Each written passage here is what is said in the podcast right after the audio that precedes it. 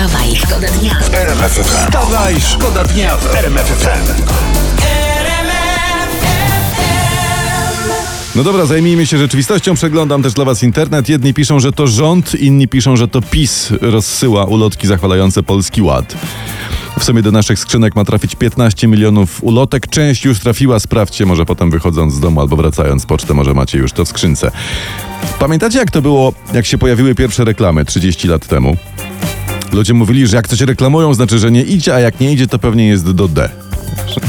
Zobaczymy, jak to będzie. Wstępna analiza nowego ładu pokazuje, że, że y, teraz najbardziej opłaca się robić dzieci.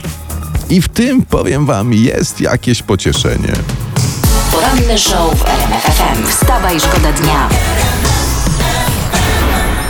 Autostrada numer 5 to jest Kalifornia, to są Stany Zjednoczone, nie tylko tragiczne doniesienia stamtąd mamy.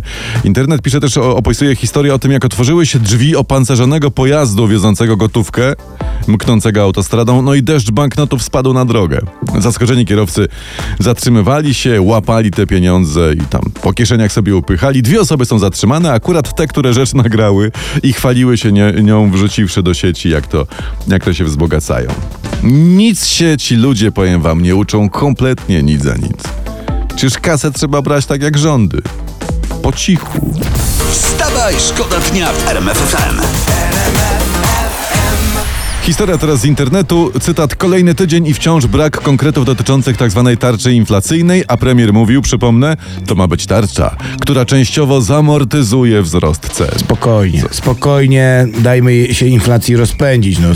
5500% i, e, inflacji w Wenezueli, to jest coś. Tak, tam taką To jest, mają, proszę tak. ciebie, wynik, tak. I jak już będzie tak, jak u nich, e, jak tam, będzie u nas, że be, ba- bardziej się będzie opłacało na przykład używać banknotów zamiast papieru toaletowego, No, no, no, no. to w ramach tarczy państwo spuści nam wodę. Wstawaj, Wstawaj, szkoda dnia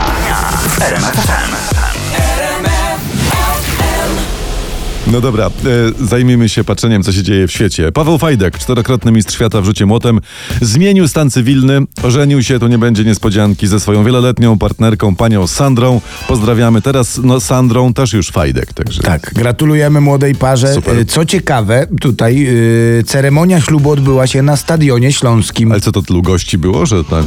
Tylu gości. Nie no, wiesz, Śląski to wiadomo, świątynia lekkiej atletyki. No tak. Ciekawe, czy po tym, jak padło oficjalne tak, to potem po stadionie szła meksykańska fala, wiesz. Ciekawe, czy pan z urzędu na przysiędze krzyczał Prawa strona odpowiada! Najważniejsze, najważniejsze tego że młodej parze życzymy, żeby nie trzeba było za jakiś czas śpiewać nic się nie stało, że nic się nie Co stało. ty? On jej nie rzuci, ma od tego młot. Gratulujemy młodej parze. Wstawaj, szkoda dnia w RMF FM. I Sylwia Spurek, to jest europosłanka, przypomnę, ona mówi, że jeździectwo powinno zniknąć. Całe?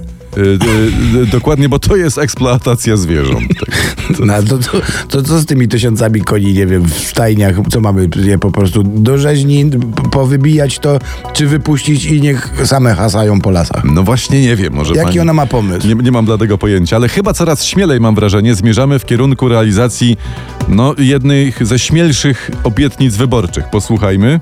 żeby nie było bandyctwa, żeby nie było złodziejstwa, żeby nie było niczego. Wstawaj, szkoda dnia w RMF FM. Donald Tusk stracił prawo jazdy. To jest chyba najbardziej gorąca informacja minionego weekendu. O tym pisze prasa dzisiaj o poranku zresztą. Przypomnijmy może, szef Platformy przekroczył dozwoloną prędkość w terenie zabudowanym o 57 kilosów. Tak.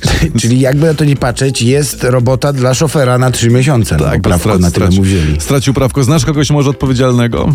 No Beata odpada. Ale ty szydło? Nie, kozidrak. No, Nie, to ja może proponuję zatem dogadać się z kimś, kto jeździ w tym samym kierunku do roboty.